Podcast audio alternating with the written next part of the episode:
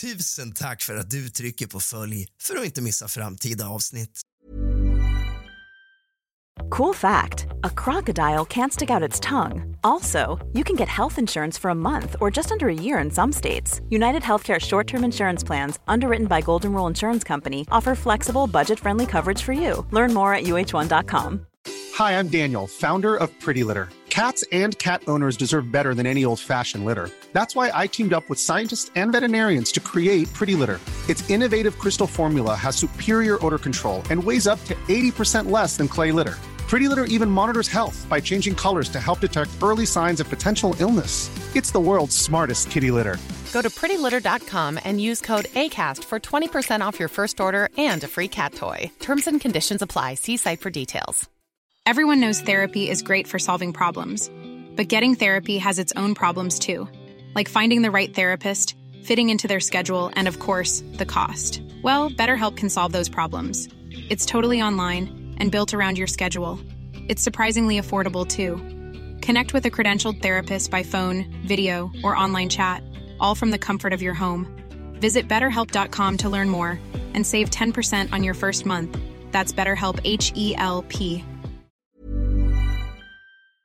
Tack för att du trycker på följ för att inte missa framtida avsnitt av kusligt, rysligt och mysigt. Straff i Sverige, del 2.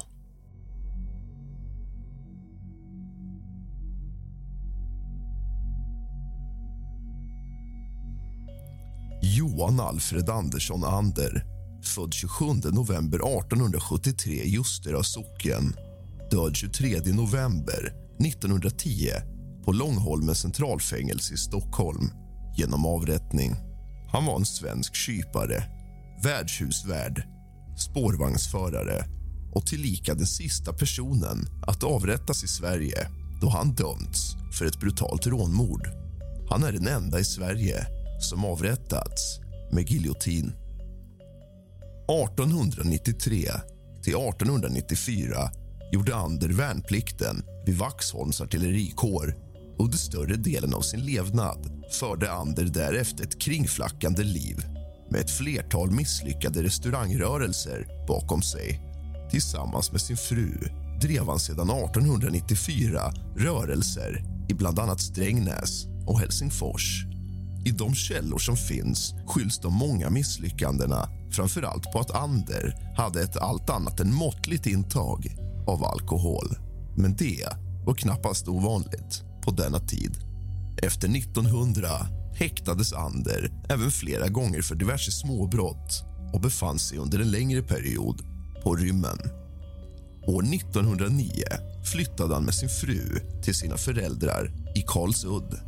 Hans fru, Julia Charlotta Ander kommer senare att vittna om att han ett flertal gånger misshandlat henne när han var berusad och att hon var rädd att han skulle döda henne.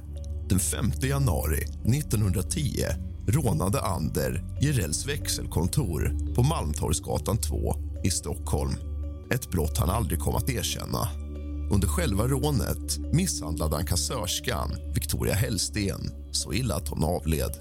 Vid rånet kom Ander över 5 211 kronor och 27 öre som senare kom att användas som bevis mot honom då en del av pengarna var nedblodade. Mordvapnet var en Bessman. En Bessman är en handhållen hävstångsvåg.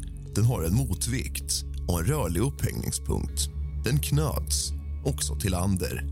Vid halv elva-tiden kom en kolutkörare till ett nu nedsläckt kontor och fann Hellsten på golvet blödande från ett krossår i huvudet. Och Bredvid henne på bordet låg en smörgås som det hade tagits två bett av. Hon var inte vid medvetande och en timme senare avled hon på sjukhuset.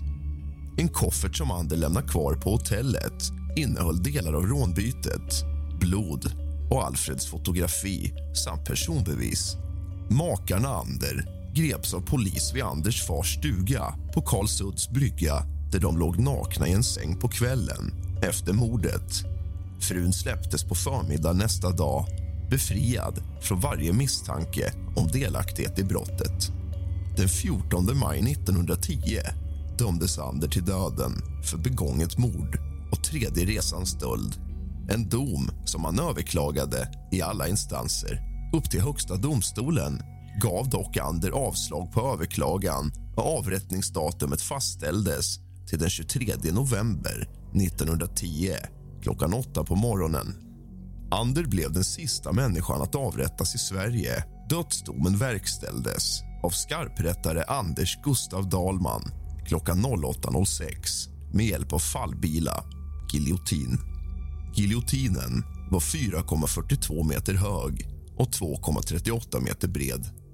Det sägs att Ander vägrade tala med fängelseprästen före avrättningen och att hans sista ord var en förfrågan till Dalmans assistent om han fick säga något före avrättningen, vilket emellertid ignorerades.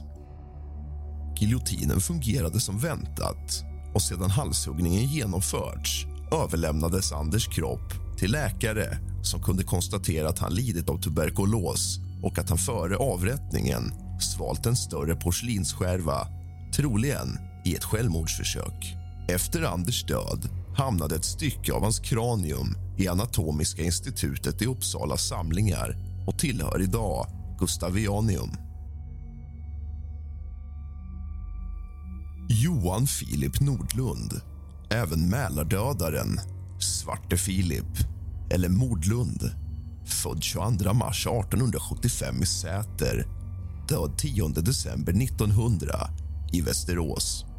Han var en svensk brottsling, massmördare och den näst sista personen som avrättades i Sverige. Nordlund föddes i Övre Stubbersbo utanför Säter den 22 mars 1875 utanför äktenskapet. Han hade en äldre bror vid namn Joel som var döv och en yngre bror vid namn Rickard. 1879 flyttade familjen till Falun där Nordlund troligen hade sin skolgång. Han ska dock ha varit orolig av naturen, rymt hemifrån mycket och redan innan han var färdig med skolan drev han runt i Dalarna tillsammans med en föräldralös skolkamrat under en period 1886. Efter ett tag återvände han till Falun och bodde en kort tid hos föräldrarna innan han återigen gav sig iväg 1887. Eftersom Nordlund var storväxt kunde han, trots sin ringa ålder, få anställning. Han var under en period sågverksarbetare i Korsnäs och det var enligt en uppgift det enda hedliga arbete han hade i hela sitt liv. Arbetet ska han ha lyckats behålla i ett och ett halvt år innan han fick sparken på grund av en förf-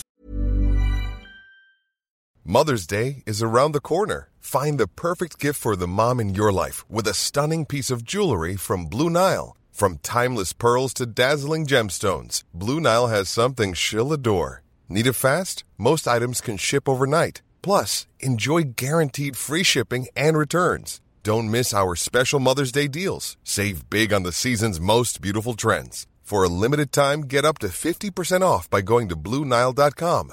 That's BlueNile.com. Everyone knows therapy is great for solving problems, but getting therapy has its own problems too, like finding the right therapist, fitting into their schedule, and of course, the cost. Well, BetterHelp can solve those problems. It's totally online and built around your schedule. It's surprisingly affordable too. Connect with a credentialed therapist by phone, video, or online chat, all from the comfort of your home. Visit betterhelp.com to learn more and save 10% on your first month. That's BetterHelp H E L P. Hey, it's Ryan Reynolds, and I'm here with Keith, co star of my upcoming film, If, only in theaters, May 17th. Do you want to tell people the big news? All right, I'll do it. Sign up now and you'll get unlimited for $15 a month in six months of Paramount Plus Essential Plan on us. Mintmobile.com slash switch. Upfront payment of $45 equivalent to $15 per month. Unlimited over 40 gigabytes per month. Face lower speeds. Videos at 480p. Active Mint customers by 531.24 get six months of Paramount Plus Essential Plan. Auto renews after six months. Offer ends May 31st, 2024. Separate Paramount Plus registration required. Terms and conditions apply if rated PG. falskad räkning. Hans föräldrar hade vid denna tid flyttat till Gävle och Nordlund tog sig också dit i efterhand. Det var nu hans liv som fängelsekund började. 1891 dömdes Nordlund för första resans stöld till tre års fängelse som han avtjänade på länsfängelset i Malmö. Redan tidigare ska han ha fått avtjäna fyra månader för kreaturstöld av Ljusdals tingslag. 1895 dömdes han för diverse brott till tre års frihetsberövande och tre års förlust av medborgerligt förtroende. I början av 1896 fördes han till Långholmen där han skrevs in som straffånge nummer två. På Långholmen satt Nordlund i drygt fyra år och enligt honom själv var det där som planerna för framtiden började ta form. Den sista fängelsedomen frigavs han ifrån den 20 april 1900. Tre veckor efter sin frigivning ska han ha återvänt till Gävle med hjälp av sin yngre bror som bodde i Stockholm och hade ett mer ordnat liv. Efter försök att få någon form av arbete i hemstan ska han ha bestämt sig för att i fortsättningen leva på rån och plundring. Den 17 maj 1900 begick Nordlund ett av de värsta dåden i svensk kriminalhistoria nämligen massmordet på ångaren Prins Karl. Han hade kvällen innan stigit ombord båten i Arboga och löst en biljett till Stockholm. Hans bagage bestod av kniv, pistol och ett antal hänglås med vilka han ämnade låsa båtens maskinrum. Enligt den plan som skildras i boken Mälarmördaren historien om ett brott från 79 hade han för avsikt att råna så många som möjligt på båten och få med sig skeppskassan vartefter han skulle sätta eld på båten för att dölja sitt brott. Planen lyckades han emellertid inte genomföra delvis på grund av att några på båten förmådde dra till sig uppmärksamhet från en annan Mälarbåt, Köping. Facit av hans handlingar blev ändå omfattande. Fem döda, åtta skadade och en sönderslagen båt. Bytet blev 845 kronor, stulna från kapten Rönngren. Han fick dock inte tag på skeppskassan. När ångaren Köping närmade sig prins Karl flydde Nordlund i livbåten och lyckades obemärkt ro i land. Han ska ha köpt nya kläder i Eskilstuna och med en hårsmån klarat sig från att bli gripen av polisen där. Han hade ursprungligen planerat att ta sig till Köpenhamn via Göteborg. Han kom dock aldrig längre än till Skogstorps järnvägsstation där han greps av tre poliser. Vid gripandet ska Nordlund ha yttrat fraser som till exempel Detta var min hämnd på mänskligheten! Tur för er att jag inte kom med tåget, för då hade många fler dött. Den 18 maj författade Nordlund ett brev när han satt i häktet i Eskilstuna. Han riktade det till sina två bröder, Joel och Rickard och föräldrarna där han deklarerade att det var han som utfört dådet som de läste om i tidningarna. I brevet skrev han att han hade behov av att lätta sitt hjärta för någon och att de inte skulle sörja men att han med största sannolikhet skulle dömas till döden. Han avslutade brevet med att han välkomnade döden och ett slut på utanförskapet samt att han önskade sina bröder all välgång i livet. Han skriver också. Många är de som för böders yxa fått låta sina liv. Många goda, ädla människor, sköna kvinnor ja, till och med många drottningar och kungar har fått sluta sina liv så. Det är mitt sista ord till er. Min sista bön är att ni ej tager detta för hårt. Gråt gärna litet. Det dig, men förtvivla icke. Redan efter mordet ombord på båten hade Nordlund förstått att om han grips skulle han inte kunna undgå en dödsdom. Mot denna bakgrund kan hans agerande som fånge te sig märkligt. Under rättegången visar han ingen ånger utan uttrycker istället besvikelse över att han inte lyckats döda de han sårade. I ett misslyckat flyktförsök högg han två vakter med en slipad hasp. Han förklarade händelsen med att han inte hade något att förlora och fick därmed sin dom utökad med ytterligare två mordförsök. I flera källor beskrivs han som en våldsam fånge och det sägs till och med att fångvaktarna var lättade av att slippa en så besvärlig fånge efter avrättningen. Själva dådet och framför allt den besinningslöshet med vilket det utfördes orsakade massmediehysteri i likhet med vad som ofta sker idag. Nordlund hade möjligheten att ansöka om nåd men utnyttjade aldrig denna. Däremot skrev han ett brev till rätten om att han ansåg att han hade blivit felaktigt dömd för rån av personer han aldrig försökt råna. Högsta domstolen meddelade i sitt utslag från den 13 november 1900 att detta var utan avseende och att hovrättens dom var lagligt grundad. I väntan på avrättningen ska han ha besökts av både sin mor och pastor August Tillander, som var fängelsepräst på Långholmen. Det sista brevet till sin familj skrev han den 5 december där han berättar att han sökt Herrens förlåtelse för sina synder. Därefter upphör kontakten med föräldrarna. Nordlund avrättades klockan 08.00 på morgonen den 10 december på Västerås länsfängelse genom handbila. Skarprättare var Anders Gustav Dahlman som utförde sin femte och näst sista avrättning. Enligt boken Mälarmördaren är Nordlunds sista ord. Gud vare mig syndare nådig och trygg i min Jesu armar. Då hans familj och efterlevande tog emot kroppen kom Nordlund att till skillnad från många andra avrättade fångar begravas i vigd jord. Detta hade blivit lagligt först under 1860-talet och även efter detta var det ovanligt. Det var dock inte hela kroppen som fick begravas utan Nordlunds kranium hamnade i Anatomiska institutet i Uppsala samlingar och tillhör idag Gustavianium. Det här Gustavianium måste jag spana in. Det låter som att det är värt ett besök. Stockholms Dagblad skrev den 10 december om avrättningen. Mångmördare Nordlund avrättades strax efter klockan åtta i morse och fängelsets gård härsades. Närvarande voro landstorien B. Hensberg, fängelsedirektör, predikant och läkare. Magistrans ombud, rådman V.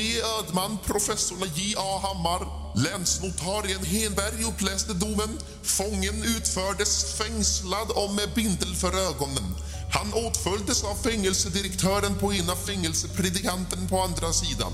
Han bad en sån bön och sjöng en sång, vilken han ännu fortsatte då han nedlade huvudet till stupstocken. Ett enda Even when we're on a budget, we still deserve nice things. Quince is a place to scoop up stunning high-end goods for 50 to 80% less than similar brands. They have buttery soft cashmere sweaters starting at $50, luxurious Italian leather bags, and so much more.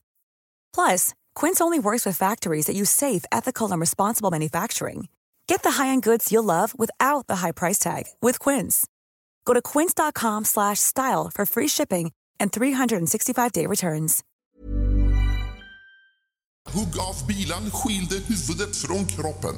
Liket överlämnades till de närstående medicinska auktoriteter och för undersökning.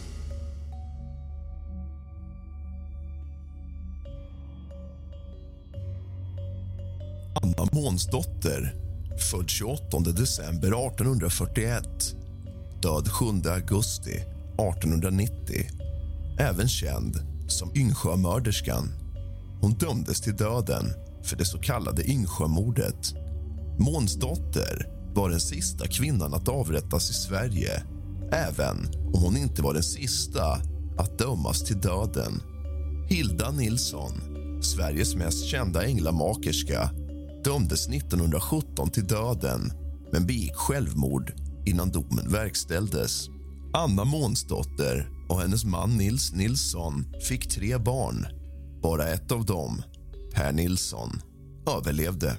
Nils var 12 år äldre än sin hustru och paret bodde på Möllegården i Insjö en liten by söder om Åhus på den skånska ostkusten. Anna hade räknat med att giftermålet med Nils skulle ge henne en bekymmersfri framtid men det hade inte riktigt blivit som hon hoppades. Det blev istället ett ganska knapert liv byggt på krediter och lån. Fattigdomen gjorde henne bitter och hon kom allt längre ifrån sin man och allt närmare sonen Per. Mordet blev vida känt även utanför Sveriges gränser. Dådet var att Anna Månsdotter och sonen Per mördade Pers hustru Hanna Johannesdotter på ett brutalt sätt året före, i Yngsjö. Anna ströp Hanna och försökte få det att se ut som att Hanna hade ramlat i källartrappan och brutit nacken. Vid rättegången framkom det även att de mordmisstänkta hade ett incestuöst förhållande med varandra vilket av samtiden ansågs kunna ha bidragit till att utlösa mordet. Sonens äktenskap skulle ha lett till en oresonlig svartsjuka hos Anna. En svartsjuka som då skulle ha varit del i motivet. Båda erkände gärningen och dömdes till döden genom halshuggning. Sonens straff omvandlades senare till livstids straffarbete medan modern avrättades. Anna Månsdotter var den sista kvinnan att avrättas i Sverige 28 år efter avrättningen av Katarina Jansdotter. Månsdotter halshuggs med handbila den 7 augusti 1890 av skarprättare Anders Gustav Dalman. Det var hans första avrättning. Händelsevis verkställde han också den sista i Sverige av Alfred Ander 20 år senare. Hugget tog snett och det har ofta påståtts att Dalman var tvungen att hugga tre gånger för att skilja huvudet ifrån kroppen. Detta är dock osant och härrör istället från en avrättning på Gotland där Konrad Pettersson Lundqvist Hector avrättades 1876 genom tre hugg av skarprättare Steinek. Däremot har anfört att hugget tog snett och lämnade Månsdotters underkäke kvar vid halsen vilket bekräftats av dödsmasken. Anna Månsdotters dödsmask fanns tidigare utställd på Polismuseet i Stockholm. Källor i dagens avsnitt är helt och hållet hämtade från Wikipedia. Du har lyssnat på kusligt, rysligt och mysigt av och med mig, Rask. Sov gott.